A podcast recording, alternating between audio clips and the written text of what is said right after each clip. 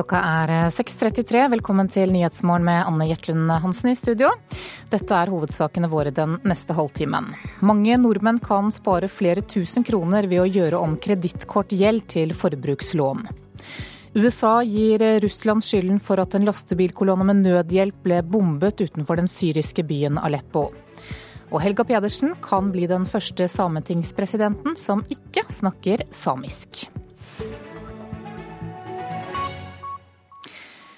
Over 300 000 norske husholdninger sliter med høy kredittkortgjeld. I disse husholdningene så er snittgjelden over 60 000 kroner.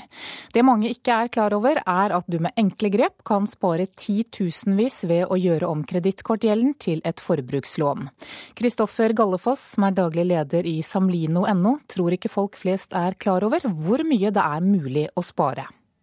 Kredittkortgjeld bør man kvitte seg med så fort som mulig. F.eks. hvis du refinansierer dette inn i et forbrukslån, eh, som er en annen type usikret lån, eh, så, ligger jo renten mye lavere, og du har en eh, bestemt nedbetalingstid. Det er mye å spare på å bytte ut kredittkortgjelden med andre lån. Det viser beregninger fra den finansielle sammenligningstjenesten Samlino. Mens renta på kredittkort gjerne er på 20-30% har de rimeligste usikrede forbrukslånene renter på 10-15 Biologistudent Johannes Stølen er overrasket over å høre at forbrukslån kan være så mye billigere enn kreditt.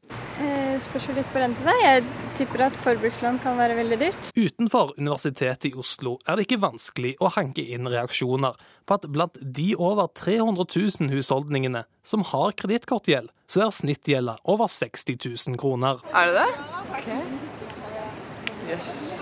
Jeg syns det var litt mye. Ja. ja. Det er jo luksusfellen. Man ser jo liksom at folk sliter der ute. Men eh, det er ikke meg, da, holdt jeg på å si. Jeg tør ikke å legge meg selv i gjeld i det hele tatt. Ja, men Gjeld er kjempeskummelt, for du blir liksom bare en slave til, til de du skylder penger til. Og det kan være skummelt, for i snitt har hver femte husholdning høy gjeld på kredittkortet. Det viser tall fra Statens institutt for forbrukerforskning. Hvis man kun betaler minimumsbeløpet man får på de månedlige kredittkortregningene, så kan det bli veldig dyrt. Det viser beregninger som Kristoffer Gallefoss i finanstjenesten Samlino har gjort. Det, det handler bare på en måte om å, å, ta stilling til det og ta grep, og ikke bare liksom betale den fakturaen som kommer inn eh, med minimumsbeløpet. Hvis du har en snittgjeld på rundt 60 000, som, som tall fra SIFO viser, så tar det deg 17 år å betale ned denne eh, kredittkortgjelden.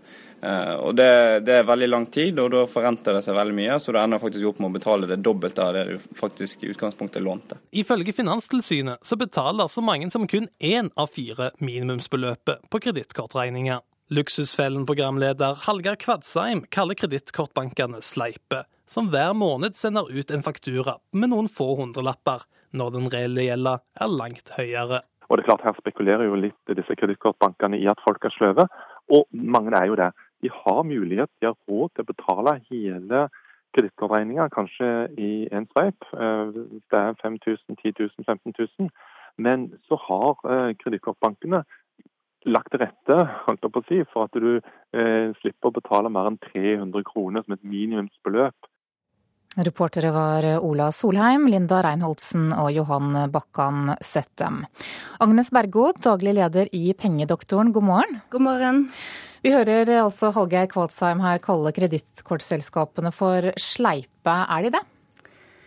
Ja, altså jeg syns jo kanskje at det kunne være riktig at de satte eh, hele gjelden på fakturaen. Fordi jeg deler kredittkortselskapene sine kunder i to, grovt sett. De desperate og de sløve. De desperate er de som ikke vil få lån andre steder fordi de har for høy gjeld, for lav kredittverdighet. Og så er det de sløve. Det er de som gjerne har råd til å betale hele regningen med en gang, men de betaler bare minimumsbeløpet fordi det er det beløpet som står på fakturaen. Hadde hele gjelden stått på fakturaen, så hadde jo det vært en fin påminning for dem til å betale mer enn minimumsbeløpet. Ok, Men hvem er det fleste? Er det de sløve, eller er det de desperate? Ja, Dette har jeg ikke tall på, men uh, i min kundekrets i Pengedoktoren har jeg svært velstående mennesker. Og mange av de har kredittkortgjeld fordi de er sløve. Så er det altså over 300 000 norske husholdninger som sliter med høy slik kredittkortgjeld. Eh, snittgjelden er på 60 000 kroner. Hvordan ser du på det? Altså, 60 eh, 000 kroner i kredittkortgjeld. Fordi renten er så høy, så betaler en da ca. 11 000 kroner i året. Og det er spørsmålet hva får en for 11 000 kroner? Med dagens rentemarked så kan en betjene en boliglån på 440 000 kroner på et år. En kan forsørge to voksne mennesker eh, i matbudsjett i to måneder. En kan sette 11 000 inn på en BSU-konto og ha omtrent halvparten av det årlige lovlige innskuddet. Eller en kan gå på Vinmonopolet og kjøpe 70 flasker vin. Og så får du spørre deg sjøl om hva det som gir deg mest glede. Men hva må til da for å få ned forbruks- og kredittkortgjelden? Eh, for de desperate så kan det helt klart hjelpe med et eh, gjeldsregister. Fordi hvis vi har et gjeldsregister, så vil en del av de stå der. Og da vil de ikke få kort, og da vil de heller ikke kunne opparbeide seg ny gjeld. For de sløve så er det et stort for, eh, fordel hvis hele gjelden kunne stått på fakturaen. Fordi eh, i dag står bare minimumsbeløpet, og da er de sløve og betaler bare minimumsbeløpet. De glemmer at de har den gjelden. Og da vokser rentene, og da eh, koster dette her altfor mye. De har økonomi til å kunne betale det med en gang. Og hvem er det som tjener på dette her? Ja, det er egentlig hele forbrukersamfunnet som tjener på det. Det er selvfølgelig de som eier kredittkortselskapene, men det er også butikker, reiseselskap, flyselskap, restauranter. Det vi bruker disse pengene til. Men forbrukeren kan også tjene på kredittkort hvis det blir brukt smart. Og den smarte måten å gjøre det på, det er jo å bruke kortet når du skal eh, handle på salg, eller et, du har fått et godt tilbud. Så bruker du kortet, og så betaler du for det, men da må du ha pengene Eh, rede, slik at når du får regningen, så betaler du hele summen. Fordi da, da tærer du ikke på kreditten, og da er bruken gratis. Og det er smart, men du må altså sørge for at du har pengene når regningen kommer. Men hvorfor er det så mange som er så sløve, da? Kanskje vi har det for godt. Ok, takk skal du ha, Agnes Vergo, daglig leder i Pengedoktoren.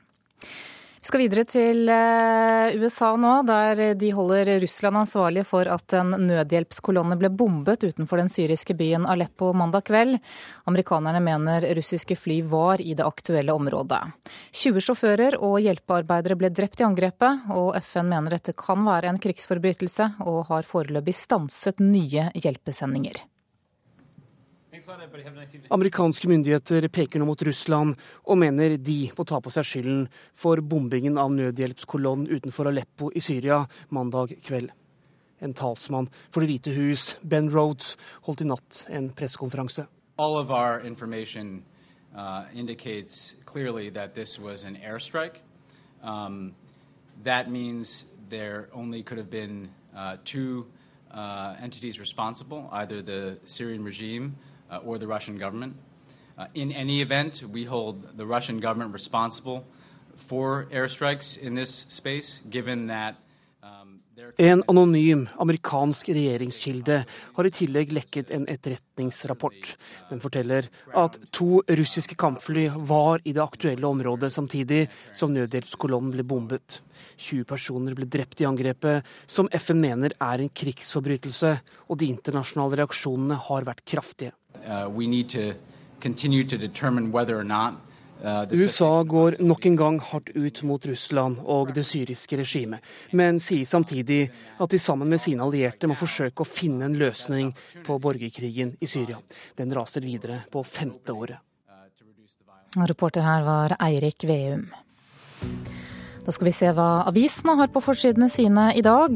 'Unnskyld, Ida' er overskriften i Stavanger Aftenblad. I tidenes største gransking av én en enkelt barnevernssak, så feller tilsynsmyndigheten nå en knusende dom over både barnevernet, institusjoner, helseforetak og fylkesmennene. Granskningslederen ber jenta som er hovedpersonen, nå 18 år gamle Ida, om unnskyldning. Aftenposten forteller at FBI anklages for å fabrikkere terrorsaker. Nesten to av tre som blir pågrepet i USA for å ha bånd til terrorgruppen IS, har vært i kontakt med politiagenter på forhånd. Agentene opptrer med skjult identitet, og i en av sakene som er eh, i et av eksemplene, så ber agentene den terrormistenkte om å rive Texas i filler. Kvitter seg med 60-åringene, ansetter nye, er oppslaget i Dagens Næringsliv. NHO gir sluttpakker til flere enn 50 ansatte over 60 år. Samtidig ansetter organisasjonen 25 nye medarbeidere for å fornye kompetansen, og det provoserer flere. VG skriver om en 40 år gammel mann fra Oslo som lever i luksus i Dubai, samtidig som han er etterlyst av norsk politi over hele verden. Mannen er etterlyst for grovt bedrageri etter at Nordea-kontoen til en dame ble tappet for 60 millioner kroner i 2010. Senterpartiets leder Trygve Slagsvold Vedum sier at dersom KrF vil svinge seg med Senterpartiet etter valget neste år, så må de danse med Arbeiderpartiet også. Vi har vært tydelige på at vi ønsker en regjering basert på Ap og Sp, så nå får KrF finne ut hva de vil, sier Vedum til Dagsavisen. Mens Arbeiderpartiets leder Jonas Gahr Støre sier at kommunereformen er død dersom Arbeiderpartiet vinner valget neste år. Han vil ikke være med på å tvinge kommuner til å slå seg sammen. Dagbladet forteller at du blir syk av jobbkrangel, og gir deg sju råd for å unngå bråk på jobben. Nasjonen forteller at kornarealet her i landet øker for første gang på tolv år. I år er det sådd nesten 25 000 mål mer korn enn i fjor, og avlingene ser gode ut. Bergens Tidende forteller om et selskap som har tjent 215 eh, millioner kroner etter salg av en rekke barnehager. Lederen for selskapet ønsker ikke å si noe om salget, og nå får han kritikk for manglende åpenhet. Mens Vårt Land skriver at traumer kan påvirke arvestoffet vårt og overføres til nye generasjoner. Skal det handle om fotball her i Nyhetsmorgen. Fotballforbundet må ut og lete etter en ny trener for kvinnelandslaget før neste sommers eh, europamesterskap. Det er klart etter at Roger Finjord i går sa at han gir seg som landslagstrener. NRKs fotballekspert Live Klavenes mener LSK kvinners avtroppende trener Monica Knutsen er en sterk kandidat til jobben. Det er jo Monica Knutsen som kanskje er det navnet som først springer til tankene. Det er jo ganske opplagt at hun eh, bør være en kandidat, fordi hun har hatt en fantastisk eh, trenerkarriere i Lillestrøm og skal trekke seg der, og bør jo være en eh, naturlig arvtaker. Toppfotballsjef i NFF, Nils Johan Sem, sier de vil gå bredt ut i søket etter kandidater til jobben. Ja, nei, Vi kommer til å kartlegge kandidater, naturligvis, og gå bredt ut på det. Først skal vi lage en kravspekk, og så skal vi kartlegge kandidater. Og så får vi se vi, hvilke kandidater som, som Eh, som, som, blir tilgjengelig, for å si det sånn. Toppfotballsjefen vil ikke svare på om Knutsen er en aktuell kandidat så tidlig i prosessen med å finne en ny landslagstrener. Nei, da Monica en, er jo en, selvfølgelig en veldig god trener som har gjort det veldig godt med Lillestrøm, men eh, utover det så vil jeg ikke kommentere enkeltkandidater. Lise Klavenes mener det er viktig at NFF nå gjør en god jobb med å finne en trener som står godt til spillergruppa, og at de har en klar idé om hva laget skal stå for spillemessig. Hun ser Knutsen som det beste valget for jobben. Det bør jo i så fall samsvarer med det Monica står for. Men jeg personlig syns hun bør være helt øverst på, på den listen. Reporter her var Fredrik Stuve. Du hører på Nyhetsmorgen nå i NRK P2 og Alltid nyheter. Klokka er 6.46 og vel så det, og dette er hovedsakene våre. Det er streik i oljebransjen. Over 300 ansatte legger ned arbeidet. Mange nordmenn kan spare flere tusen kroner ved å gjøre om kredittkortgjeld til forbrukslån. Og USA gir Russland skylden for at en lastebilkolonne med nødhjelp ble bombet utenfor den syriske byen Aleppo. Men nå skal vi til USA.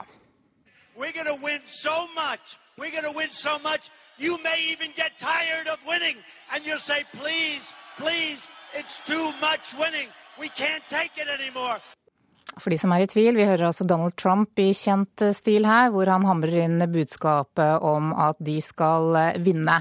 Vi skal vinne så mye at dere kommer til å bli lei av å vinne, sier han. Og nettopp maktens språk er tema for en konferanse i regi av Dagens Næringsliv i dag. Både brexit og Trump mobiliserer nye velgergrupper. Og Kjetil B. Alstaheim, politisk redaktør i DN, god morgen. God morgen. Du, aller først, Hvis vi skal se på Trump, da, hvordan bruker han språket i sin kamp for å bli USAs neste president? Eh, han bruker det jo på en, en ekstremt aggressiv måte, og, og, han er jo eh, veldig uredd i å, å, sleive til, har i hvert fall vært det, til å noen prøver å få litt mer styr på ham. Eh, provoserende, eh, kommer med heftige angrep på, som vi har hørt, mot meksikanere, mot muslimer, mot kvinner. Så det gjør jo at han har blitt eh, Han har på mange måter overdøvet eh, alle andre utfordrere. I bl.a. den republikanske nominasjonskampen så vi det, at eh, de kunne ha et utspill, men så kom Trump med noe som var enda, enda mer Trakk til seg enda mer oppmerksomhet. Så det er den gode han, måten å gjøre det på, rett og slett? Han, han, er, han er jo en ekstremt høylytt debattant på alle vis. Også veldig til stede. Han bruker den kjendisstatusen han hadde på forhånd, Sånn at han spiser jo frokost i Fox News nesten hver morgen for å sette dagsorden for, for det kommende døgnet. Og hva er hovedforskjellen da på måten han bruker språket på og det Clinton gjør? Hun, hun, er jo en eh, hun, Han får jo Det at han er så ekstrem på et vis, eller så har en så rå retorikk, får jo henne til å høres enda mer ut som det etablerte enn eh, og Som for så vidt også er. Eh, fordi hun, hun, snakker jo på en helt annen måte enn, enn det han gjør. Også med et forsøksvis uh, mer positivt budskap uh, enn, enn, det, enn, det, han har om, i beskrivelsen av hvor USA er som land. Går det an å snakke om ett maktspråk? Eh, nei, det gjør det jo ikke, for det kommer i så, så mange forskjellige varianter. Eh, i, eh, og mange av dem hører vi jo her i, i Petos Nyhetsmorgen eh, hver morgen, hver dag. Eh, for, trofaste lyttere, enten det er fra forskjellige politikere eller interesseorganisasjoner eller næringslivsfolk. Ja, for Du har jo vært politisk reporter i, i mange år. Hva kan du si, si generelt om hvordan maktpersoner snakker, også her hjemme? Det varierer jo. Eh, hvis man snakker om politikere, så er det jo noe av det som kanskje frustrerer oss som journalister, er jo de gangene vi, vi sliter med å få politikere til å forholde seg til eh, de spørsmålene som faktisk stilles.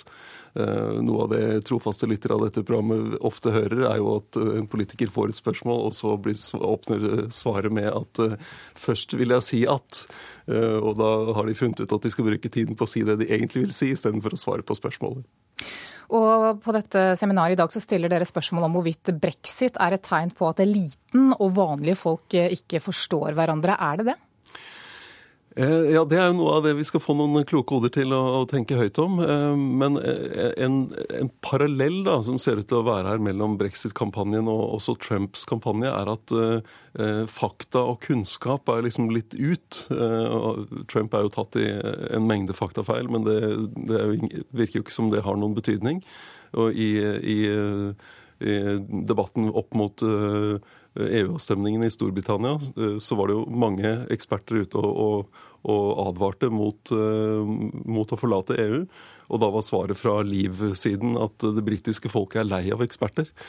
Eh, det er klart det er ikke sånn at eksperter skal styre, men det er jo en verdi at den politiske debatten bygger i størst mulig grad på, på den beste kunnskapen vi har, og at man tar utgangspunkt i det som måtte være fakta og, og, og faktavurderinger. da. Kjetil B. Alstaheim, takk for at du kom hit til Nyhetsmorgen. Striden om minnestedet etter 22.07 på Sørbråten i Buskerud ender trolig i retten. Og AUF-leder Mani Hussaini sier at det blir en rettssak som bare vil føre til mer smerte for dem som allerede har opplevd veldig mye. Det de etterlatte og de berørte, de overlevende, nå fortjener, det er fred og ro. Eh, og det får de dessverre ikke når eh, de får en ny rettssak eh, om et minnested for deres aller kjæreste. I 2012 bestemte staten at et minnested for 22.07 skulle settes opp i nærheten av Utøya. Valget falt på Sørbråten, en liten odde tilknyttet fastlandet i Hole kommune, og et steinkast unna Utøya. Naboene som bor i nærheten av odden, har reagert kraftig, og etter flere års motstand mot utbyggingsplanene, så saksøkte de staten i sommer. I går kom regjeringsadvokatens tilsvar, og det ser nå ut til at det blir en rettssak. Ja, på det nåværende tidspunktet så ser det slik ut. Lederen for AUF, Mani Hussaini, er kritisk til naboenes samarbeidsvilje. Vi er veldig opptatt av å høre på foreldra, på de etterlatte og hva de mener. Eh, og de eh, mener at Norge må markere minnet etter deres barn på en eller annen måte. 22.07.2015 skulle minnestedet egentlig stått ferdig. Hussaini mener at en ny rettssak, som vil vare i tre uker, vil være opprivende for alle de involverte. Man forsøkte på å si at vi kan gjøre om på det, eh, men det har på en måte vært lite konstruktivt fra Ustranda vel. Og det er resultatet. En rettssak som jeg tror ikke vil føre til noe annet enn en smerte for de som allerede har opplevd veldig mye smerte.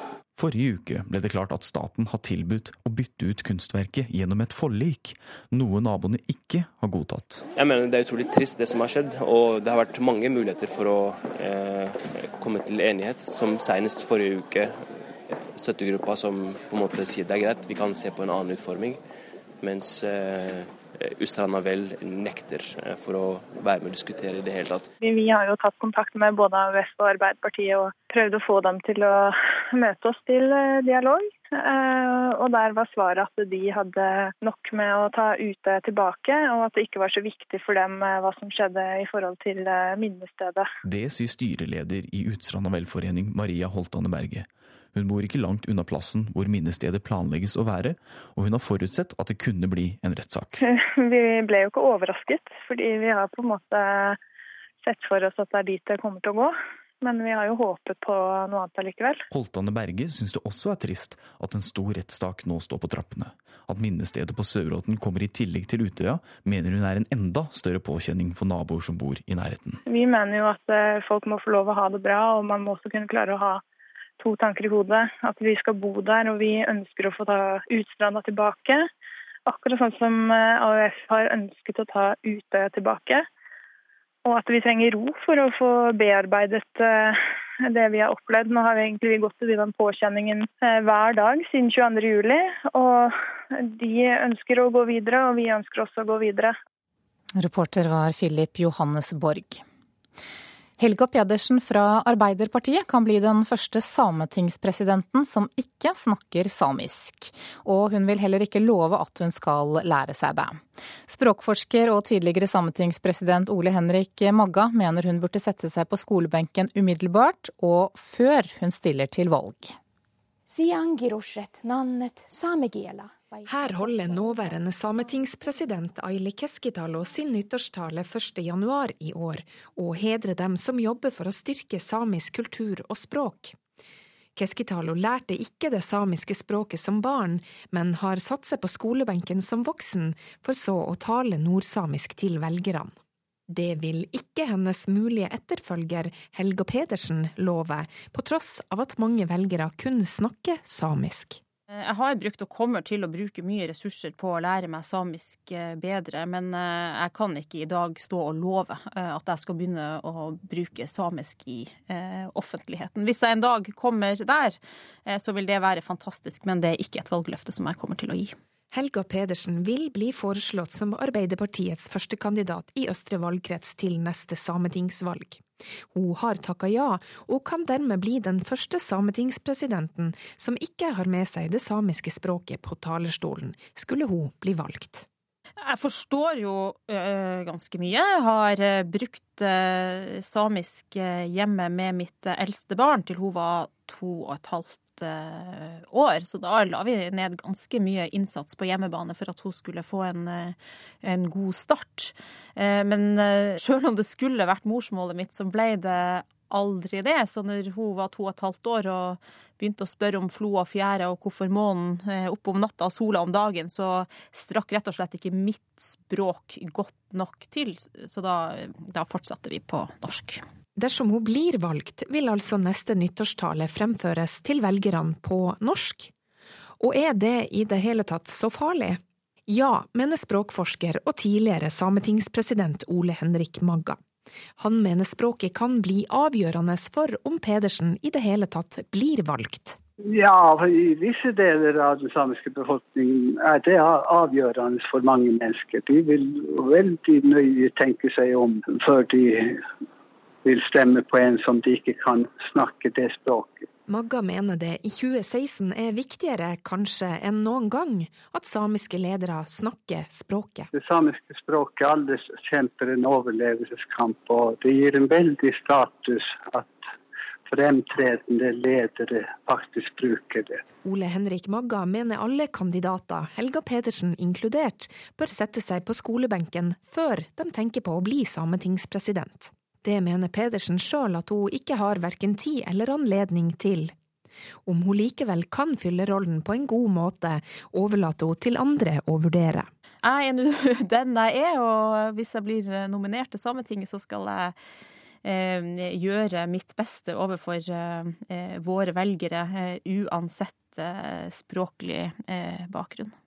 Reporter var Inghild Eriksen. Klokka nærmer seg sju nå. Vi skal se hva slags vær vi kan vente oss det neste døgnet. Sør-Norge sør for Stad og Dovre. Der er det ventet opptil sørlig frisk bris på kysten av Vestlandet sør for Stad. Litt spredt regn eller yr på Vestlandet sør for Stad vesentlig fra om ettermiddagen.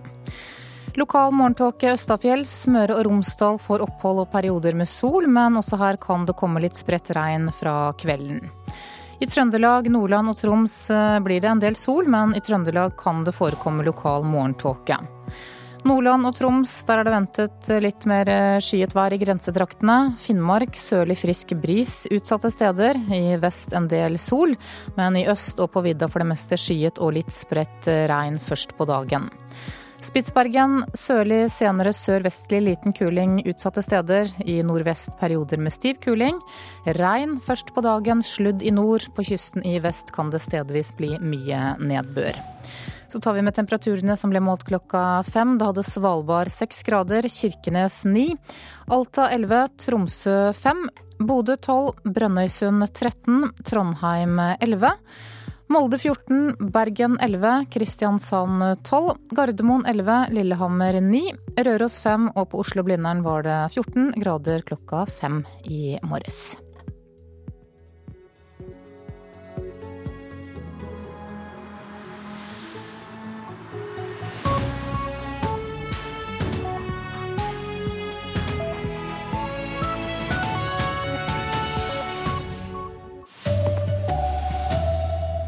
USA beskylder Russland for å stå bak angrepet på hjelpearbeidere i Syria. Politiet i Oslo måtte stanse fest med fulle ungdommer på det som skulle være et rusfritt arrangement. Her er NRK Dagsnytt klokka sju. Ja, USA holder nå Russland ansvarlig for at en nødhjelpskolonne ble bombet utenfor den syriske byen Aleppo mandag kveld. 20 sjåfører og hjelpearbeidere ble drept i angrepet. Ben Rhodes, en talsperson for Det hvite hus, sier russiske fly var i området da lastebilene ble bombet. All of our information indicates clearly that this was an airstrike. That means there only could have been two entities responsible, either the Syrian regime or the Russian government. In any event, we hold the Russian government responsible for airstrikes in this space, given that En anonym amerikansk regjeringskilde har i tillegg lekket en etterretningsrapport. Den forteller at to russiske kampfly var i det aktuelle området samtidig som nødhjelpskolonnen ble bombet. 20 personer ble drept i angrepet, som FN mener er en krigsforbrytelse, og de internasjonale reaksjonene har vært kraftige. USA går nok en gang hardt ut mot Russland og det syriske regimet, men sier samtidig at de sammen med sine allierte må forsøke å finne en løsning på borgerkrigen i Syria. Reporter eh, Eirik Veum.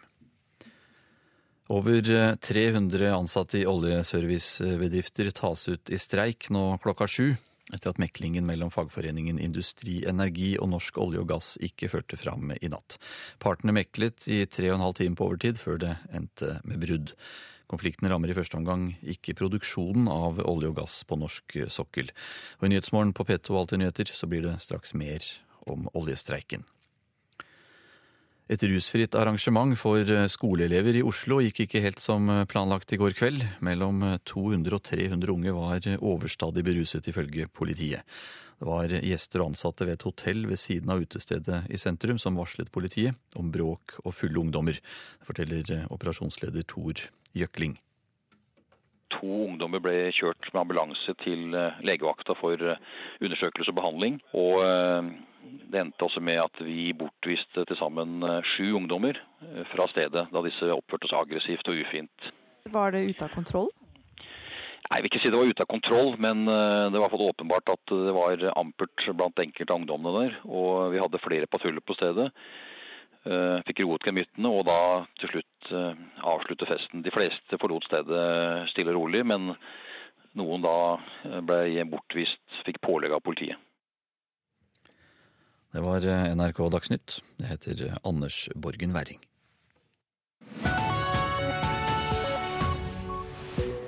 Klokka 7.03 fortsetter Nyhetsmorgen med disse sakene. Det er altså streik i oljebransjen. Over 300 ansatte legger ned arbeidet, men streiken får ingen konsekvenser for oljeproduksjonen i første omgang. Tolker ved domstolene i Oslo klager over dårlige arbeidsforhold. Og NHO får kritikk for å tilby egne seniorer sluttpakke, mens de samtidig skal ansette nye medarbeidere. Nå klokka sju så starter altså streiken i oljebransjen. Over 300 ansatte legger ned arbeidet etter at meklingen mellom fagforeningen Industri Energi og Norsk olje og gass ikke førte frem i natt. Partene meklet i tre og en halv time på overtid før det endte med brudd. Og forhandlingsleder Ommund Stokka i Industri Energi konstaterer at de ikke ble enige med arbeidsgiverne. Norsk olje og gass har da tvunget en eh, liten fagforening til å godta et eh, meklingsresultat, og prøve å tvinge det på det store store flertallet eh, av de ansatte innen oljeservice. Og Det kan vi ikke godta, og det bryter med eh, prinsippet for hvordan vi driver med lønnsforhandlinger i Norge, og det reagerer vi svært sterkt på. Streiken starter klokka sju i dag, og vil i første omgang i hovedsak ramme miljøhåndteringen av boreavfall, og vil ikke umiddelbart ramme produksjonen av olje og gass på norsk sokkel. Norsk olje og gass representerer 49 olje- og gasselskaper, i tillegg til 59 leverandørbedrifter på norsk sokkel. Og streiken nå er usolidarisk, sier Carl Eirik Skjøtt Pedersen, som er administrerende direktør i Norsk olje og gass. Vi har gitt et tilbud som er helt i tråd med det som ble gitt til industriarbeiderne. Industri Energi krever et tillegg som går langt utover det som alle andre grupper i Norge har fått. Det er totalt uansvarlig i en situasjon hvor 40 000 mennesker har mistet arbeidet i oljeindustrien, og hvor selskapene vurderer ytterligere nedbemanning. Bakgrunnen for striden er at Norsk olje og gass i sommer inngikk en avtale med fagforeningen Safe. Denne avtalen nekter Industri Energi å godta. Norsk olje og gass misbruker de dårlige tidene som argument, sier Stokka. Norsk olje og gass har under dette oppgjøret ikke forholdt seg til de reglene som vanligvis følger, og vil da forsøke å bruke de dårlige tidene som unnskyldning for å rasere uh, avtalene for oljearbeidere i Norge. Reporter her var Lena Gundersby Gravdal. Tolker klager over dårlige arbeidsforhold ved Oslo tingrett og Borgarting lagmannsrett. De forteller at sykemeldinger i flere tilfeller ikke er blitt akseptert som gyldig fravær. Flere tolker frykter for konsekvensene dersom de uttaler seg til dette i mediene, slik denne tolken gjør, anonymt. Det er jo flere kollegaer som har opplevd, bl.a. en kollega som hun var sykemeldt, fikk beskjed om at hun måtte gå tilbake til legen og, be, og få en utfyllende legeerklæring om hvorfor hun ikke kunne møte. Hun går til legen, og legen sa at dette er jo ulovlig, det kan jeg ikke gjøre. Dette er bare ei av historiene Norsk tolkeforening har sendt til Domstoladministrasjonen, med krav om å bli møtt med respekt, framfor trusler om rettergangsbot. Flere ganger har sykdom eller syke barn blitt avvist som lovlig fritak for tolking i retten, sier lederen i foreninga, Katarina Sandstø. Når man eh, får et sykt barn akutt, og når man sier ifra i god tid, en eller to dager før, at man ikke kan stille opp som tolk i denne saken, og allikevel ikke blir, dette, ikke blir dette tatt hensyn til, dette synes jeg er urimelig. Nå krever de likebehandling, at de også kan avlyse oppdrag. På lik linje med domstolen. F.eks. å kunne trekke seg fra oppdrag tre dager før ville vært en naturlig del av gjensidig avtale mellom en tolk og en domstol. Sandstø stadfester at flere tolker opplever tilhøver så vanskelige at de ikke tør uttale seg til NRK. Jeg vil nok tro at det skyldes dessverre et frykt for å bli svartelistet av domstolene. I Oslo tingrett er avdelingsleder Ina Strømstad med i dommerne sin mediegruppe. Hun er overraska over det hun hører. Ja, Hvis det er en opplevelse, så kjenner jeg meg overhodet ikke igjen i det. Vi er opptatt av at tolkene hos oss skal ha gode arbeidsforhold. De har selvfølgelig ikke noe munnkurv. Vi er helt avhengig av å ha gode, kvalifiserte tolker. Og det er klart at det er ikke da så enkelt som det kanskje kan høres ut at en tolk trekker seg noen dager før, at vi må finne en ny tolk. Vi må sjekke at vedkommende er kvalifisert. Og vi, ikke minst, vi må sjekke at vedkommende ikke har noen bindinger til partene. Saklig grunn må det vel kanskje kunne sies å være å være sykmeldt? Eh, å ha sykdom som gjør at du er forhindret fra å møte i retten, er selvfølgelig en saklig grunn. Men er ikke de, dette brevet egentlig et, eh, et, tegn på at eh, arbeidsforholdene ikke er så gode som de burde være? Domstolen kan sikkert gjøre ting bedre. Eh, og er, Derfor er det jo også viktig at dette kommer frem, sånn at vi kan snakke om det. og sammen finne de beste løsninger for domstolen og for tolkene. Og da er det nok å ta tak i? Jeg opplever vel at vi ofte blir eh, som et hår i suppa og et eh, nødvendig onde.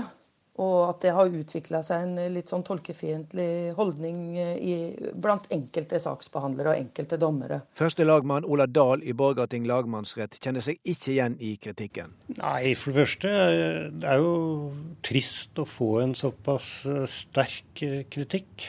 Men jeg er, jeg er ikke enig. Men kanskje det er litt ulik praksis i den enkelte domstol, at eh, dommer, eh, en dommer A mener én ting, en dommer B praktiserer eh, dette på en helt annen måte. Opplever du det slik? Ikke en helt annen måte, det vil jeg ikke tenke. Men at det kan være ulik praksis mellom de enkelte domstoler og mellom dommerne i den enkelte domstol. Det kan tenkes. Reporter her var Bjørn Atle Gildestad. Arild H. Steen, direktør ved Arbeidsforskningsinstituttet ved Høgskolen i Oslo og Akershus, god morgen. God morgen. Du, Hvor vanlig er slike historier som vi hører her? Ja, Det vet vi jo ikke, men vi hører jo sånne historier. Og vi vet at omtrent 6 eh, av eh, de ansatte sysselsatte i norsk økonomi er eh, selvstendig næringsdrivende, og det er det på en måte dette fenomenet er det er selvstendig næringsdrivende som da ikke egentlig er arbeidstakere, men som utfører et oppdrag hos en oppdragsgiver. Blir de dårligere behandlet enn andre?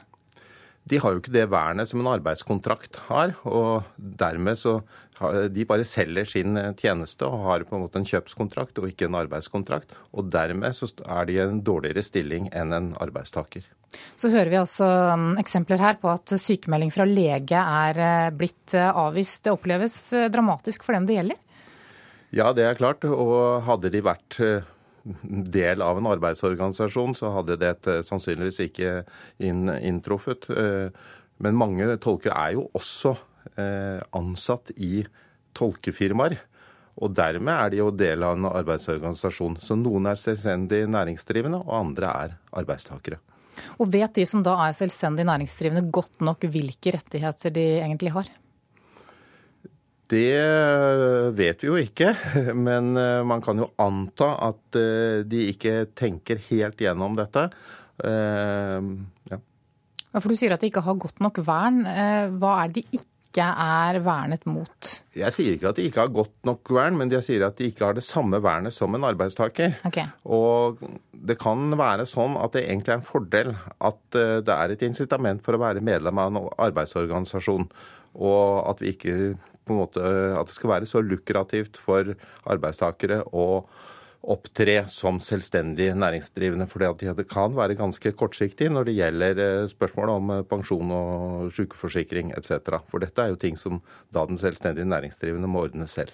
Og så hører vi jo om eh, at stadig flere blir selvstendige med bedrifter som delingstjeneste, f.eks. Uber, Mitt anbud og Airbnb. Og så har vi også eksempler på flyselskaper som velger å organisere seg på måter som kanskje ikke har vært så vanlige her i Norge.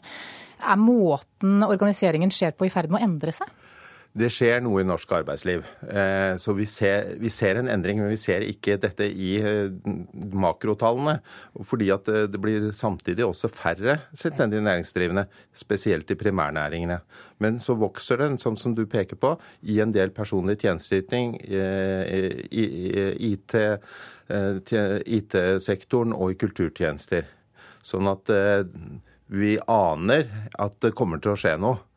Ja, Hva kommer til å skje da? Ja, At eh, det blir eh, flere selvstendige næringsdrivende, flere frilansere, flere andre typer tilknytningsformer enn standardarbeidsforholdet. Men Hva skjer med arbeidslivet da? Går det an å si noe om det? Hvilke konsekvenser det får? Det kommer til å ha ganske store eh, konsekvenser, fordi at da ødelegges på en måte, eller endres balansen da, mellom arbeidstaker og arbeidsgiver. Og arbeidstaker har hatt en type vern gjennom en kollektiv organisering, og det vil de da miste. Sånn at eh, eh, da må på en måte myndighetene inn med andre regulatoriske eh, beskyttelser for å, eh, for å ta vare på, på måte, balansen i arbeidsmarkedet. Arild Steen, takk for at du kom hit til eh, Nyhetsmorgen. Vi skal videre til Storbritannia, for om noen timer så går fristen ut for å stemme på hvem som skal lede det britiske arbeiderpartiet Labour.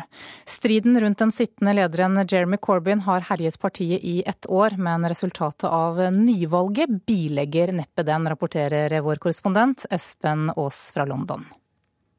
Jeremy Corbyn, 251 000 selv om han fikk støtte av hele 60% av partimedlemmene da han ble valgt som leder for et år siden, og partiet aldri har opplevd maken til medlemsvekst, ble Jeremy Corbyn allerede i sommer nødt til å starte en ny valgkamp for å beholde sin egen jobb.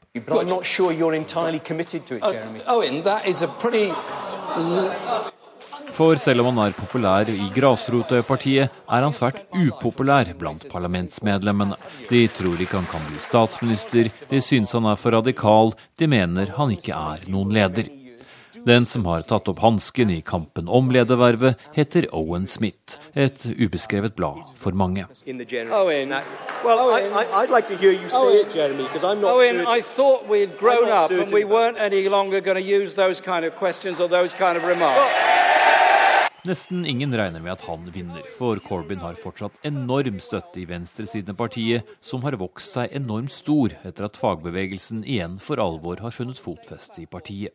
De forsvant ut i kulen under Tony Blair og Gordon Brown på 1990- og 2000-tallet, da politikken dreiet inn mot sentrum. De to lederkandidatene vet derfor at de må fri til nettopp venstresiden. Jeremy Corbyn så hva skjer? Selv om Owen Smith har samlet noe støtte, er som sagt vinnersjansene små. Hvis han vinner, må partiet forsøke å samle seg bak ham. Vinner Jeremy Corbyn, som er det sannsynlige, burde det samme skje, men mange har sagt at det er helt uaktuelt. Og Corbyn har på sin side truet med at illojale medlemmer ikke kan regne med å bli renominert som kandidater ved neste valg. Det er en reell fare for at partiet kan bli splittet i to en gang for alle, frykter flere. Labour ligger i øyeblikket langt bak det konservative partiet på meningsmålingene. Resultatet av ledervalget offentliggjøres i Liverpool nå på lørdag, før partiet har landsmøte. Et landsmøte som neppe blir fryktelig hyggelig, kanskje bare fryktelig. Espen Aas, London. Klokka er 7.16. Dette er Nyhetsmorgen og hovedsakene våre. Det er streik i oljebransjen. Over 300 ansatte har lagt ned arbeidet nå, men det får ingen konsekvenser for, for oljeproduksjonen i første omgang. Tolker ved domstolene i Oslo klager over dårlige arbeidsforhold. Og mange nordmenn kan spare flere tusen kroner ved å gjøre om kredittkortgjeld til forbrukslån. I ettermiddag så møtes FNs sikkerhetsråd nok en gang for å diskutere situasjonen i Syria. Men denne gangen deltar både USAs og Russlands utenriksministre. Det er knyttet stor spenning til om USA under møtet vil beskylde Russland for å stå bak angrepet på FN-kolonnen med nødhjelp på mandag. USA-korrespondent Gro Holm sier at det ikke er ventet at det kommer så mye ut av dette møtet. I går ettermiddag så forelå det ikke noe forslag til resolusjon eller uttalelse. Eh, FNs generalsekretær Ban Ki-moon og spesialutsendingen til Syria, Staffan de Mistura, de skal orientere om situasjonen i et lukket møte der bare de 15 medlemmene og Syria er til stede. Og eh, det er som sagt, som du nevnte i introen, så, så er det jo da spennende om USA vil virkelig beskylde Russland for å ha bombet denne FN-konvoien. Eh, det har lekket ut at det er nettopp det USA tror tror har skjedd. Men spørsmålet er om det skjer i møtet. Da blir det kanskje full skjæring igjen. Og det forrige møtet sist lørdag, det var en katastrofe. Det, det var russerne som hadde innkalt etter at USA hadde feilbombet og drept 62 syriske soldater. Og det fikk USAs FN-ambassadør Samantha Powers til å se rødt. Først marsjerte hun ut under russernes innlegg, og så marsjerte russernes ambassadør ut da hun snakket. Og Her skal vi høre Powell Power idet hun lufter sin indignasjon over russisk dobbeltstandard. Now, of all times, Russia calls the entire UN Security Council to convene urgently so that it, it, can stand up here and express outrage. Imagine how often this council would be meeting if we were to gather every time the regime or Russia struck a hospital, or a school, or a breadline. Gro Holm, vi hører jo her at eh, Samantha Power var skikkelig irritert. Dersom det heller ikke i dag kommer noe håndfast ut av dette møtet, betyr det at våpenhvilen er død? Eh, det er ikke helt sikkert. Altså, den har jo egentlig ikke fungert noen gang. Og Syria har jo sagt at den ikke gjelder lenger.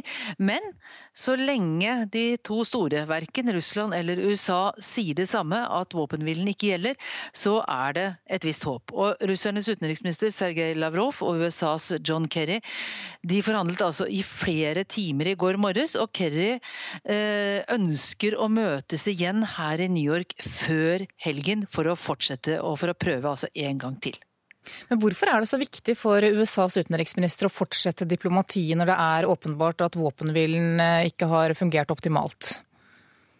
Ja, For det første har Kerry erfart at det går an å få til avtaler som fungerer, med hjelp eh, fra russerne. Det gjaldt avtalen om å fjerne de kjemiske våpnene fra Syria, og det gjaldt atomavtalen med Iran. Og For det andre så, jo, eh, så er jo Obama-administrasjonen under et enormt press for å vise at deres eh, modell for å løse slike konflikter virker. Dvs. Si så lite som mulig med soldater på bakken, flystøtte og fremfor alt politiske forhandlinger og, og diplomati. Eh, Hillary Clinton f.eks. har ønsket seg mer bruk av militære maktmidler. Og Dessuten så vet jo da Kerry at det er veldig usikkert om en ny utenriksminister i januar kan få det samme forholdet til Lavrov og til russerne, og kan oppnå det samme som han. Han har med andre ord veldig dårlig tid. Da skal vi se hva avisene her hjemme har på forsidene sine i dag. 'Unnskyld, Ida' er overskriften i Stavanger Aftenblad. I tidenes største granskning av en enkelt barnevernssak så feller tilsynsmyndigheten nå en knusende dom over barnevernet, institusjoner, helseforetak og fylkesmennene. Granskningslederen ber jenta som er hovedpersonen her, nå 18 år gamle Ida, om unnskyldning for den behandlingen hun har fått. Aftenposten forteller at eh, FBI anklages for å fabrikkere terrorsaker. Nesten to av tre som blir pågrepet i USA for å ha bånd til terrorgruppen IS, har vært i kontakt med politiagenter på forhånd. Agenten opptrer med skjult identitet, og i en av sakene så ber agenten den terrormistenkte om å rive Texas i filler. VG skriver om en 40 år gammel mann fra Oslo som lever i luksus i Dubai, samtidig som han er etterlyst av norsk politi over eh, hele verden. Mannen er etterlyst for grovt bedrageri etter at Nordea-kontoen til en kvinne ble tappet for 60 millioner kroner i 2010. Senterpartiets leder Trygve Slagsvold Vedum sier at dersom KrF vil svinge seg med Senterpartiet etter valget neste år, så må de danse med Arbeiderpartiet også. Vi har vært tydelige på at vi ønsker en regjering basert på Arbeiderpartiet og Senterpartiet, så får KrF finne ut hva de vil, sier Vedum til Dagsavisen. Mens Arbeiderpartiets leder Jonas Gahr Støre sier at kommunereformen er død dersom Arbeiderpartiet vinner valget neste år. Han vil ikke være med på å tvinge kommuner til å slå seg sammen, skriver Klassekampen. Dagbladet forteller at du blir syk av jobbkrangel, og gir deg sju råd for å unngå bråk på jobben. Nasjonen skriver at kornarealet her i landet øker for første gang på tolv år. I år er det sådd nesten 25 000 mål mer korn enn i fjor, og avlingene ser gode ut. Bergenstidene forteller om et selskap som har tjent 215 millioner kroner etter salg av en rekke barnehager. Lederen for selskapet ønsker ikke å si noe om salget, og nå får han kritikk for manglende åpenhet. Mens eh, Vårt Land skriver at traumer kan påvirke arvestoffet vårt og overføres til nye generasjoner. NHO får kritikk for å tilby egne seniorer sluttpakke, mens de samtidig skal ansette nye medarbeidere. Det skriver Dagens Næringsliv i dag. Flere enn 50 ansatte i 60-årene i NHO er innvilget sluttpakker på opptil to millioner kroner, samtidig som flere nye skal ansettes. Og NHO-sjef Kristin Skogen Lund forklarer sluttpakketilbudene slik. Jo, der Dels så skal, ønsker vi å ta ned kontingenten, da må vi spare litt eh, kostnader. Og dels så trenger vi også litt kompetansefornying. Og så var det sånn at Vi bestemte oss for å gi eh, rettighetsbaserte pakker, sånn at alle som søker på dem får ja. Men da er du nødt til å avgrense det til en viss gruppe, for å ikke risikere at hele yrkeskategorier faller ut på en gang. Og Da ble vi enige med de ansatte, siden vi aldri har hatt noe AFP-ordning hos oss, at det var riktig å tilby de eldste det i første runde. Men risikerer du ikke da at de over 60 føler seg skvisa ut? Uh, nei, for det har ikke vært noe press på noen om å ta disse pakkene. Og det er faktisk flere enn det vi egentlig hadde trodd og ønsket som har sagt ja til dem. Så dette var et populært uh, tilbud. Og vi har overhodet ikke lagt press på noen. Og det har ikke vært noen klager internt eller noe støy rundt dette i det hele tatt. Men kunne dere ikke da, hvis målet var å nedbemanne, tilbudt sluttpakker til eh, alle, og ikke bare de over 60? Jo, men da måtte vi jo i så fall ha sittet og valgt ut. fordi vi kan jo ikke risikere at hele yrkeskategorier slutter, sånn at vi står helt ribbet tilbake for kompetanse. Det var derfor vi måtte avgrense det til én aldersgruppe.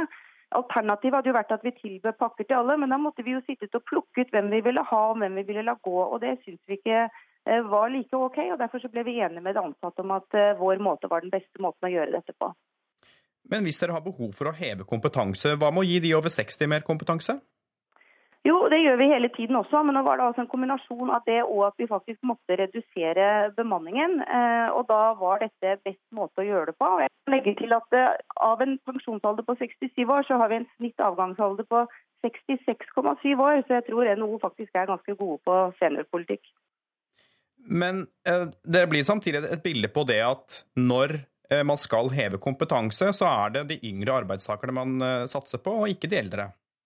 Nei, men Her var det en kombinasjon av at vi måtte ned i bemanning og måtte heve kompetansen. Så jeg er, jeg er, egentlig ikke enig i den kritikken. Dette var den beste måten for oss å gjøre dette på. Det var også sånn de ansatte ville at vi skulle gjøre det, og det har ikke vært noe støy rundt dette. Dere får kritikk fra flere stortingspolitikere som mener at dette her er et, eh, ganske stor avstand mellom liv og lære. For NHO forfekter jo virkelig eh, standpunktet om at det er viktig at eh, seniorene skal stå lenger i arbeidslivet. Hvordan ser du på den kritikken? Ja, den preller rett av. For det første så beviser vi at eh, folk oss står lenge i jobb ved pensjonsalderen vi har. har. Eh, og for det andre så merker jeg meg at de eneste Dagens Næringsliv har funnet som vil kritisere dette, er stortingspolitikere som jeg mistenker selv aldri har kjørt en omstillingsprosess. Og jeg mener de sender veldig gale signaler til et næringsliv som trenger å omstille seg, når de uttaler seg på den lettvinte måten der og slår politisk mynt uh, uten å sette seg inn i saken og forstå hva det handler om. Reporter her, det var Halvard Norum. Økonomiske nedgangstider har fått eh, flere selskaper til å satse på forskning. Dobbelt så mange bedrifter søker om penger til forskning nå som for tre år siden. Og Forskningsrådet ønsker at flere bransjer skal tenke mer innovasjon. Vi er i en fabrikkhall på Radøy nord for Bergen. Cato Lyngøy triller ut det som kan komme til å revolusjonere norsk oppdrettsnæring. Ja, Dette er jo bare en modell, da. Han er gründeren bak Egget. Et lukket oppdrettsanlegg som skal hindre lakselus og rømning. I Den kommersielle størrelsen så skal det være plass til 1000 tonn fisk oppi. Dette er ett av prosjektene som har fått støtte fra Forskningsrådet gjennom støtteordningen SkatteFUNN. Det har vært en kraftig økning i tallet på bedrifter som søker om støtte. Det sier direktør i Forskningsrådet, Arvid Hallén. Vi har gjort enda mer for å gjøre ordningen kjent, og for å gjøre den lett å bruke. Nærmere 3900 bedrifter søkte om støtte til forskning og innovasjon i høst. Det er en dobling på tre år. I vestlandsfylkene Hordaland og Rogaland er økningen formidabel. Ja, Vi har fått veldig mange søknader fra marin sektor, sjømat, men også fra olje, gass og leverandørindustri. Hallene er glad for økningen, men skulle gjerne sett flere søknader fra bl.a. trevareindustrien, bygg og anlegg og turistindustrien. Det er viktig i gode tider å ikke glemme at man hele tiden må forbedre seg og utvikle seg. Det sier næringsminister Monica Mæland. Hun er fornøyd med næringslivets vilje til å forske i nedgangstidene. Men også Mæland ønsker enda mer forskning og innovasjon. Dette er en fin mulighet som mange mange flere bør benytte seg av, og vi må bidra til å gjøre disse ordningene kjent for bedriftene. Eh, det var grådig spennende den dagen de hadde laga første modellen. Her i lokalene til Mundal Subsea på Radøy oppbevares modeller av egget. Ja, Det har jo formen som et egg, da. Vi kjenner jo til at egget er sterkt i, som konstruksjon. Gründer Cato Lyngøy fra Lindås er opprinnelig veterinær. Han har jobbet i oppdrettsnæringen i en årrekke. Nå har han og Hauge Aqua også oppdrettsgiganten Marin Havest med på laget. Det er stor interesse rundt egget, og henvendelsene har vært mange, også fra utlandet. Eh, vårt mål har vært å skape et reelt alternativ til dagens eh, oppdrettsmerder, som gjør at eh, oppdretteren kan produsere trygt og fokusere på fisken, og til en lavere kost enn han klarer i dag. Som sterkt troende gir Cato Lyngøy Vår Herre æren for at han kom på ideen. Da er det kanskje ikke så overraskende at SkatteFUNN-middelet ikke har vært avgjørende selv om de statlige pengene har kommet godt med. Jeg vil ikke si det har vært avgjørende, for vi hadde nok sett dette i gang uansett. Men avlastende er iallfall en veldig eh, god betegnelse. Reporter var Siri Løken, og nå venter Hauge Aqua bare på tillatelse fra Fiskeridirektoratet før de kan teste ut ideen videre til sjøs. Klokka nærmer seg 7.30 og Dagsnytt. I reportasjen etter det skal det handle om hvordan syrisk kultur skal berges midt oppi krigshandlingene som pågår.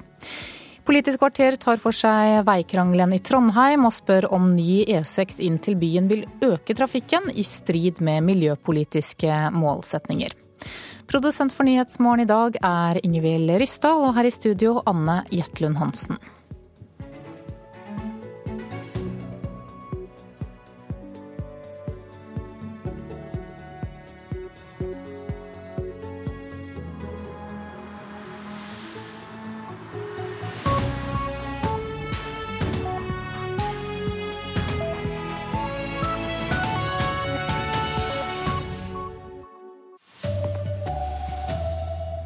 Det er streik i oljebransjen. Over 300 ansatte legger ned arbeidet. Du kan spare tusenvis av kroner ved å gjøre om kredittkortgjelda til forbrukslån. Tolker klager over dårlige arbeidsforhold ved domstolene i Oslo. Her er NRK Dagsnytt klokka 7.30. Rett over 300 ansatte er altså tatt ut i streik etter at fagforeningen Industri Energi og Norsk olje og gass brøt forhandlingene i natt. Det første streikeuttaket gjelder de fem bedriftene Slumberger, Baker Hughes, Halliburton, Oceaneering og Oceaneering Asset Integrity. Åmund Stokka, forhandlingsleder i Industri Energi, sier Norsk olje og gass ikke viste noen som helst vilje til å komme dem i møte. Olje og gass har da tvunget en eh, liten fagforening til å godta et eh, meklingsresultat, og prøve å tvinge det på det store store flertallet eh, av de ansatte innen oljeservice. Og Det kan vi ikke godta, og det bryter med prinsippet for hvordan vi driver med lønnsforhandlinger i Norge, og det reagerer vi svært sterkt på. Streiken startet for litt over en halvtime siden, og vil i første omgang i hovedsak ramme miljøhåndteringen av boreavfall. Den vil derfor ikke umiddelbart berøre produksjonen av olje og gass på norsk sokkel. Norsk olje og gass representerer 49 olje- og gasselskaper, i tillegg til 59 leverandørbedrifter på norsk sokkel. De mener streiken er unødvendig, og beskriver kravene fra fagforeningen som urimelig høye. Og streiken nå er usolidarisk, sier Carl Eirik Skjøtt Pedersen, som er administrerende direktør i Norsk olje og gass. Vi har gitt et tilbud som er helt i tråd med det som ble gitt til industriarbeiderne. Industri Energi krever et tillegg som går langt utover det som alle andre grupper i Norge har fått. Det er totalt uansvarlig i en situasjon hvor 40 000 mennesker har mistet arbeidet i oljeindustrien. Og hvor selskapene vurderer ytterligere nedbemanning. Bakgrunnen for striden er at Norsk olje og gass i sommer inngikk en avtale med fagforeningen Safe. Denne avtalen nekter Industri Energi å godta. Norsk olje og gass misbruker de dårlige tidene som argument, sier Stokka. Norsk olje og gass har under dette oppgjøret ikke forholdt seg til de reglene som vanligvis følger, og vil da forsøke å bruke de dårlige tidene som unnskyldning for å rasere uh, avtalene for oljearbeidere i Norge. Reporter her, det var Lena Gundersby Gravdal.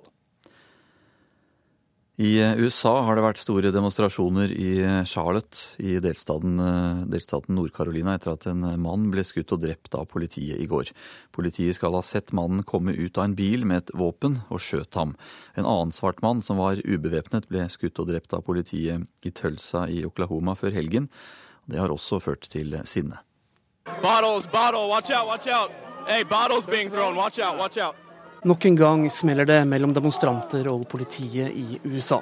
Denne gangen i byen Charlotte i Nord-Carolina. Det kastes stein og flasker. Skyer av tåregass ligger over området. Demonstrantene er rasende, og frustrasjonen retter seg mot politiet. Bottles. Bottles. Hey, keep your head down. I går ble en 43-årig mann oppdaget av en politipatrulje mens han satt i bilen sin her. Polititjenestemennene mente han hadde et våpen i hånden, avfyrte skudd, og mannen døde senere av skadene. De siste dagene har det vært uro flere steder i USA etter at politiet har skutt og drept amerikanere med afroamerikansk bakgrunn. I Oklahoma ble en ubevæpnet mann skutt i ryggen mens han sto med armene i været.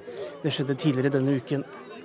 Hendelsen har skapt reaksjoner, og debatten om politiets kompetanse og våpenbruk har blusset opp igjen. Under demonstrasjonene i Charlotte de siste døgnene var et stort flertall av demonstrantene svarte amerikanere. Flere av dem gikk til angrep på polititjenestemennene og ble pågrepet. Det sa reporter Eirik Veum. Og USA anklager nå Russland for bombingen av en nødhjelpskolonne i Syria. 20 mennesker ble drept da minst 18 lastebiler med nødhjelp ble bombet nær Aleppo på mandag. En talsmann for Obama-administrasjonen sier det er enten Russland eller det syriske regimet som står bak. Men både russiske og syriske myndigheter nekter for å ha noe med dette å gjøre.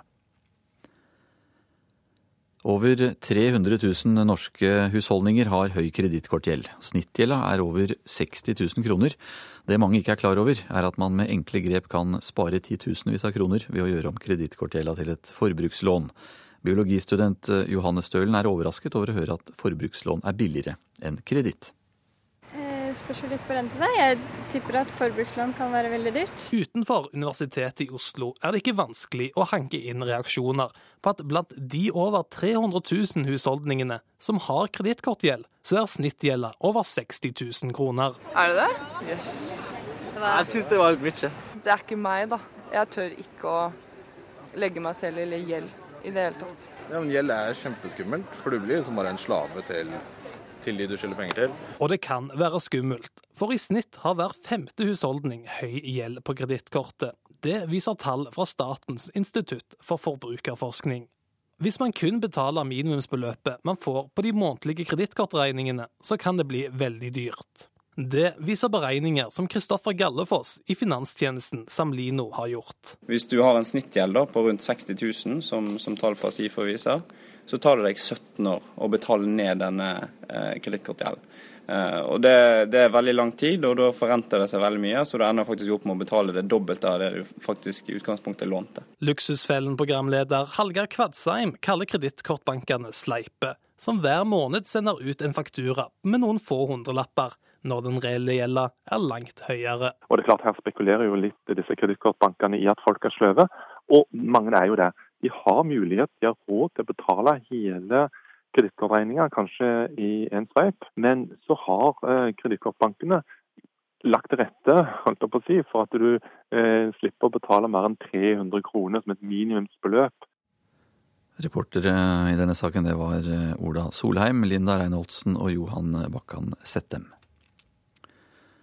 Tolker ved de to domstolene i hovedstaden klager over eh, dårlige arbeidsforhold ved Oslo tingrett og Borgarting lagmannsrett. Sykemeldinger skal i flere tilfeller ikke blitt akseptert som gyldig fravær, og flere tolker frykter for konsekvensene dersom de uttaler seg om det i media, slik eh, denne tolken gjør, anonymt. Det er jo flere kollegaer som har opplevd, bl.a. en kollega som hun var sykemeldt, fikk beskjed om at hun måtte gå tilbake til legen og, be, og få en utfyllende legeerklæring om hvorfor hun ikke kunne møte.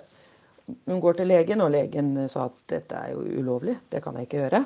Dette er bare ei av historiene Norsk tolkeforening har sendt til Domstoladministrasjonen, med krav om å bli møtt med respekt, framfor trusler om rettergangsbot. Flere ganger har sykdom eller syke barn blitt avvist som lovlig fritak for tolking i retten, sier lederen i foreninga, Katarina Sandstø. Når man eh, får et sykt barn akutt, og når man sier ifra i god tid, en eller to dager før, at man ikke kan stille opp som tolk i denne saken, og allikevel ikke blir, dette, ikke blir dette tatt hensyn til, dette synes jeg er urimelig. Nå krever de likebehandling, at de også kan avlyse oppdrag, på lik linje med domstolen. F.eks. å kunne trekke seg fra oppdrag tre dager før ville vært en naturlig del av gjensidig avtale. I Oslo tingrett er avdelingsleder Ina Strømstad med i dommerne sin mediegruppe. Hun er overraska over det hun hører. Ja, Hvis det er en opplevelse, så kjenner jeg meg overhodet ikke igjen i det. Vi er opptatt av at tolkene hos oss skal ha gode arbeidsforhold. De har selvfølgelig ikke noe munnkurv. Saklig grunn må det vel kanskje kunne sies å være å være sykmeldt? Å ha sykdom som gjør at du er forhindret fra å møte i retten, er selvfølgelig en saklig grunn. Sa avdelingsleder i Oslo tingrett Ina Strømstad. Reporter her, det var eh, Bjørn Atle Gildestad.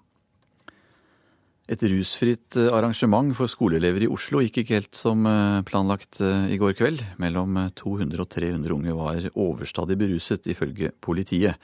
Det var gjester og ansatte ved et hotell ved siden av utestedet i sentrum som varslet politiet om bråk og fulle ungdommer, forteller operasjonsleder Tor Jøkling.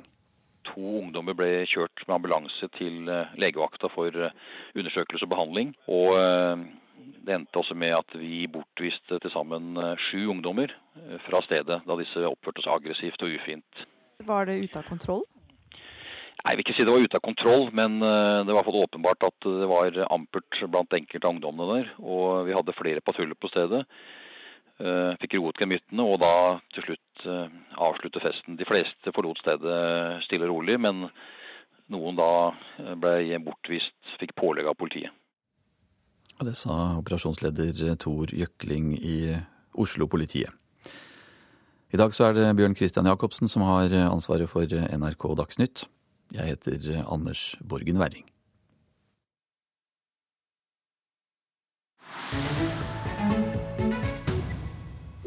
Klokka er 7.40 nå, og Nyhetsmorgen fortsetter. I Syria så er våpenhvilen brutt og lastebiler med humanitær hjelp til beleirede byer bombet. Men det er mer som står på spill. Syrias rike kultur forvitrer ettersom befolkningen rømmer og blir hjemløse eller flyktninger. Hvem kan f.eks. berge den rike sangskatten som de kristne har holdt på med i århundrer? Jo, det kan Kirkelig kulturverksted. Et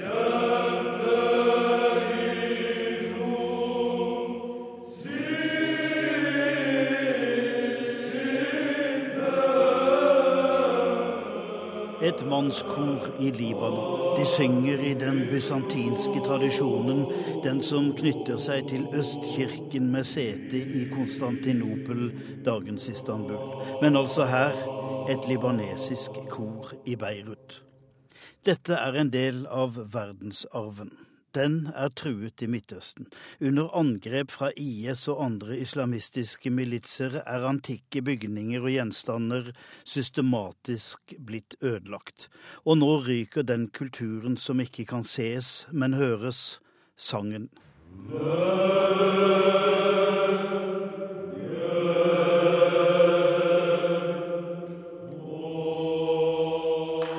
Med millioner på flukt dør folkekulturen i truede distrikter, særlig i Syria. De rømmer til Jordan, til Tyrkia, til Europa noen, men mange til Libanon. Og der blir de fanget opp av Erik Hillestad, den legendariske plateprodusenten i Kirkelig kulturverksted. Han samler dem der før de forsvinner videre. Med mikrofoner, støydemper og stor tålmodighet har han samlet dem til allsang og solo, så deres bidrag til denne verdensarv ikke skal få gå. Denne gang et mannskor. En annen gang synger et barn helt alene, en prest med sin menighet i vekselsang, eller en imam synger noen koranvers, det også. De har kommet fra syriske bygder og byer, og så samles de i Beirut eller Bekardalen.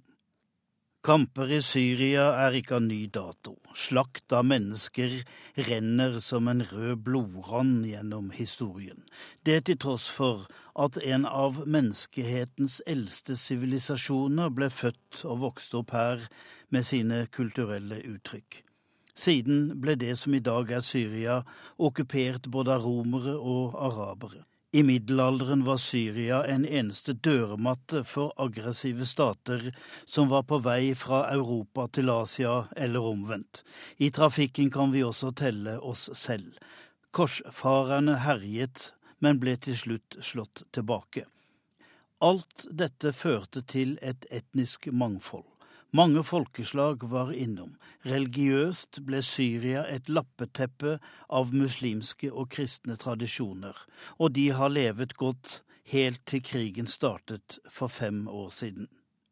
De kristne i Midtøsten er truet og forfulgt, og kanskje blir det strøk der Jesus ble født, tømt for hans etterfølgere.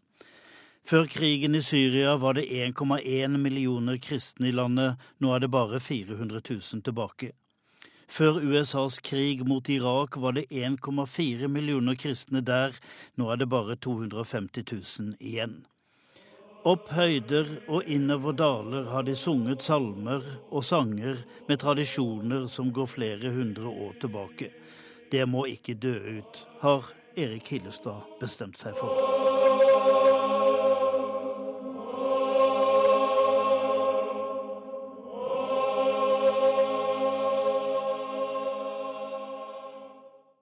Reporter her var Tom Christiansen. Lydopptakene var gjort av George Curian. 7.44 er klokka blitt nå, vel så det. Hovedsakene i Nyhetsmorgen er at det er streik i oljebransjen.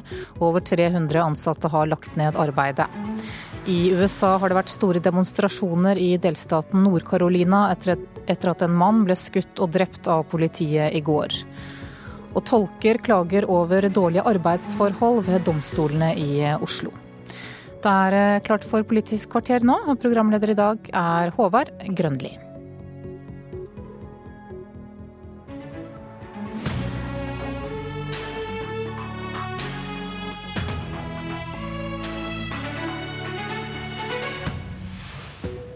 Det blir ny og utvida E6 inn til Trondheim fra øst. Samtidig får Trondheim milliardbeløp av staten til en bymiljøpakke som skal sikre at det ikke blir mer biltrafikk i byen. Er det ikke en aldri så liten målkonflikt der? Vegstriden i Trøndelag har utvikla seg til en innholdsrik miks av lokalpolitiske konflikter og krangel mellom regjeringa og trøndelagspolitikerne. Med oss i dagens Politiske kvarter er MDG i Trondheim, Sør-Trøndelag Arbeiderparti og statssekretæren fra Samferdselsdepartementet. Vi prøver å starte enkelt. Mange husker striden om E18 vest for Oslo. Saka i Trondheim er ikke så ulik.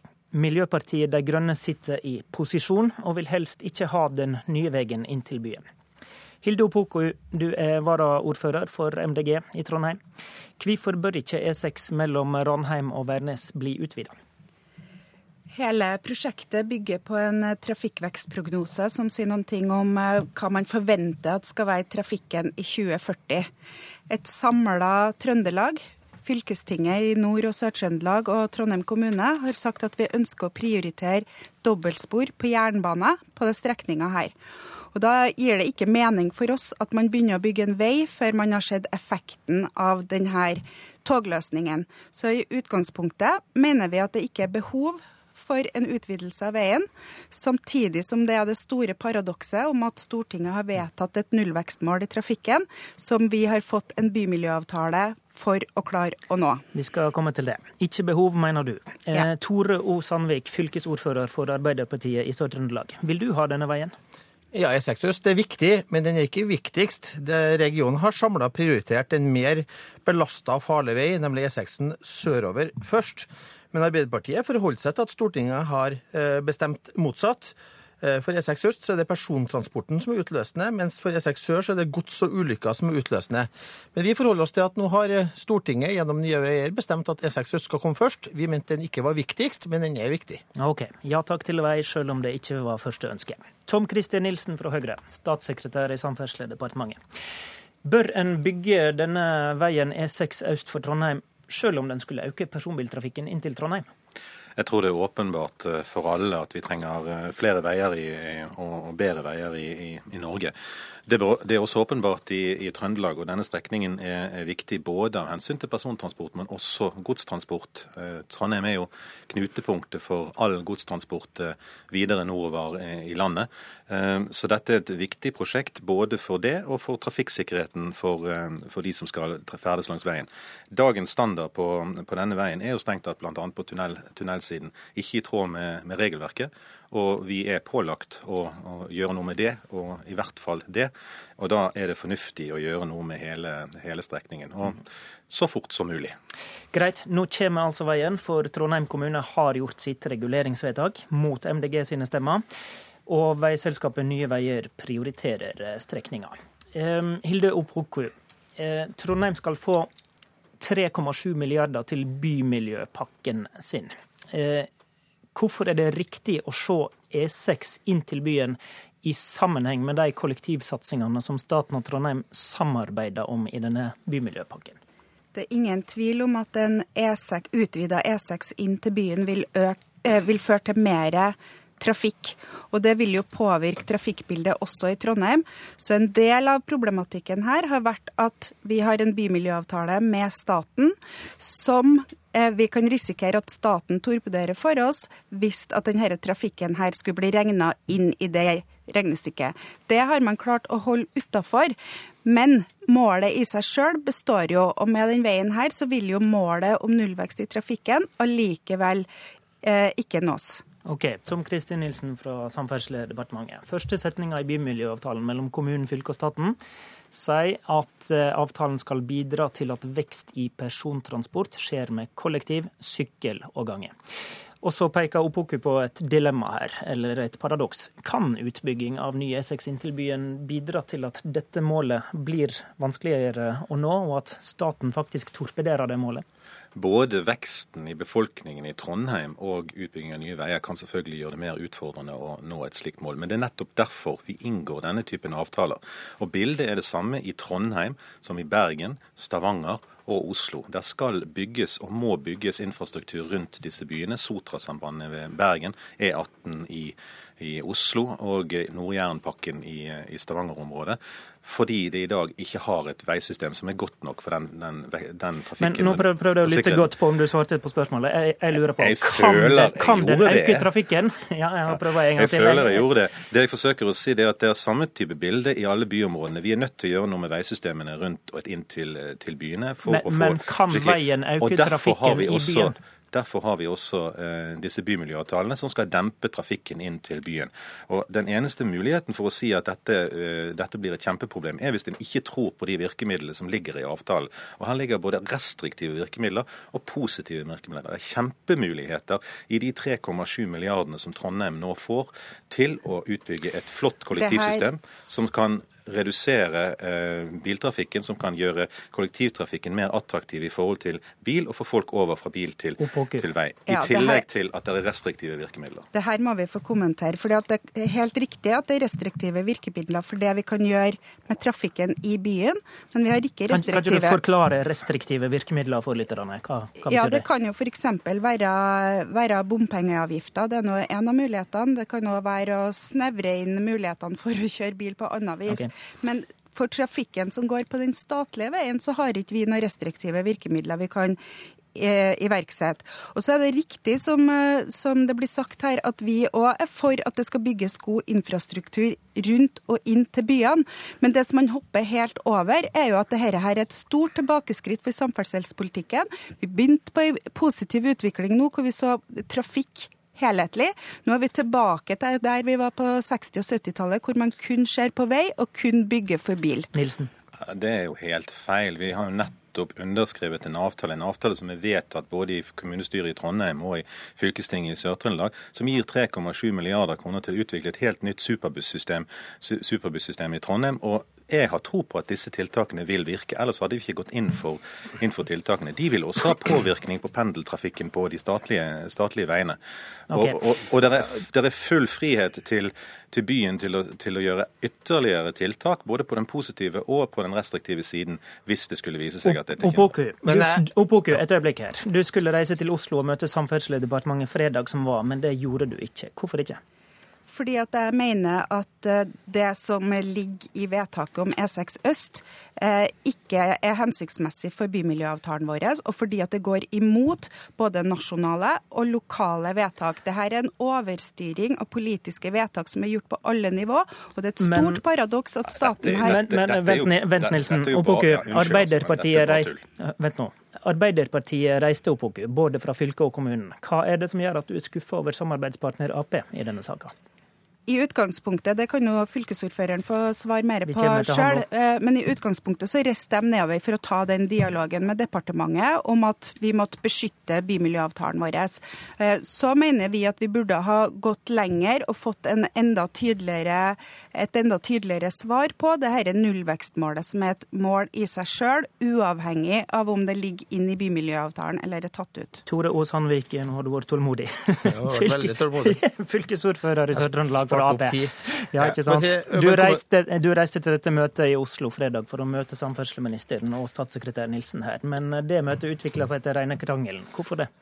Vi, vi ønska en dialog om den målkonflikten som ligger i avtalen, knytta til at avtalen er jo, som det også står i innledninga, geografisk avgrensa til Trondheim kommune, så våre virkemidler ligger i Trondheim. Så vet vi at den nye veien blir ferdig i 2020, altså tre år før bymiljøavtalen eh, utløper. Så vi var bekymra for at staten enten pålegger oss nye bommer i Trondheim, restriktiv parkeringspolitikk, eller i verste fall at de da kutter i belønningsordninga som vi skal bruke for å kjøre flere superbusser hvis vi ikke når nullvekstmålet. Så det vi ønska, var jo rett og slett statens holdning til denne målkonflikten. fordi at når vi har spurt Vegdirektoratet, som har sittet i forhandlingene, så har de sagt at det her må vi ta politisk, fordi det her er Nye Veier sin vei. Vegdirektoratet kan ikke gå inn og løse den målkonflikten. Det er det politisk som må gjøres. Så vi ønsker rett og slett en avklaring på det. Så skulle vi ønske at den avklaringa var enda tydeligere, men vi fikk en avklaring på at det her tas med i reforhandlinga av avtalen. Fordi at det som nå skjer, er at Når du får to tredjedeler av den trafikken som kommer på denne veksten, det er persontransport. Det er det som er utløste fra bygd ny vei. Da må vi løse den utfordringa. Den utfordringa kan vi ikke løse med nye bommer i Trondheim, men vi kan løse den med en kraftig satsing på kollektivtrafikk. Er, Så da må staten komme med mer penger. Ja, når vi du er mer bekymra for økonomien i dette enn for miljøet, da, med andre ord. Ja, det, det er tosidig. Grunnen til at vi bygger et superbussystem er for å sikre fremkommeligheten i Trondheim og gjøre det på en klimavennlig måte.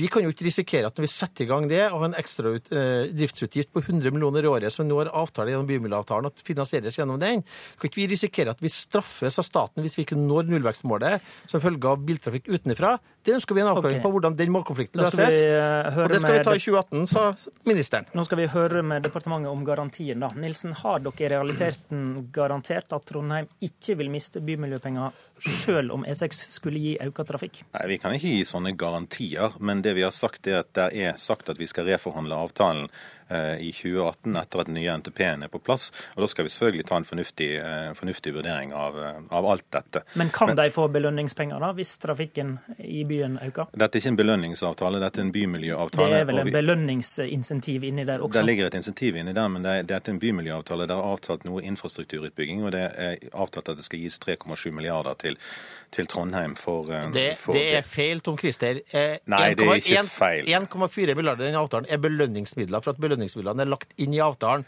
Bymiljøavtalen med, med det, Nå var det meg som snakket her, så nå får du vente til etterpå. Nilsen. Det er rett og slett en stor avtale. Det er riktig at belønningsavtale er, er inkorporert i dette, på samme måte som det skal gjøres med alle og avløses av en bymiljøavtale. Men her skal det investeres, her skal det investeres i en lang periode fram mot 2023.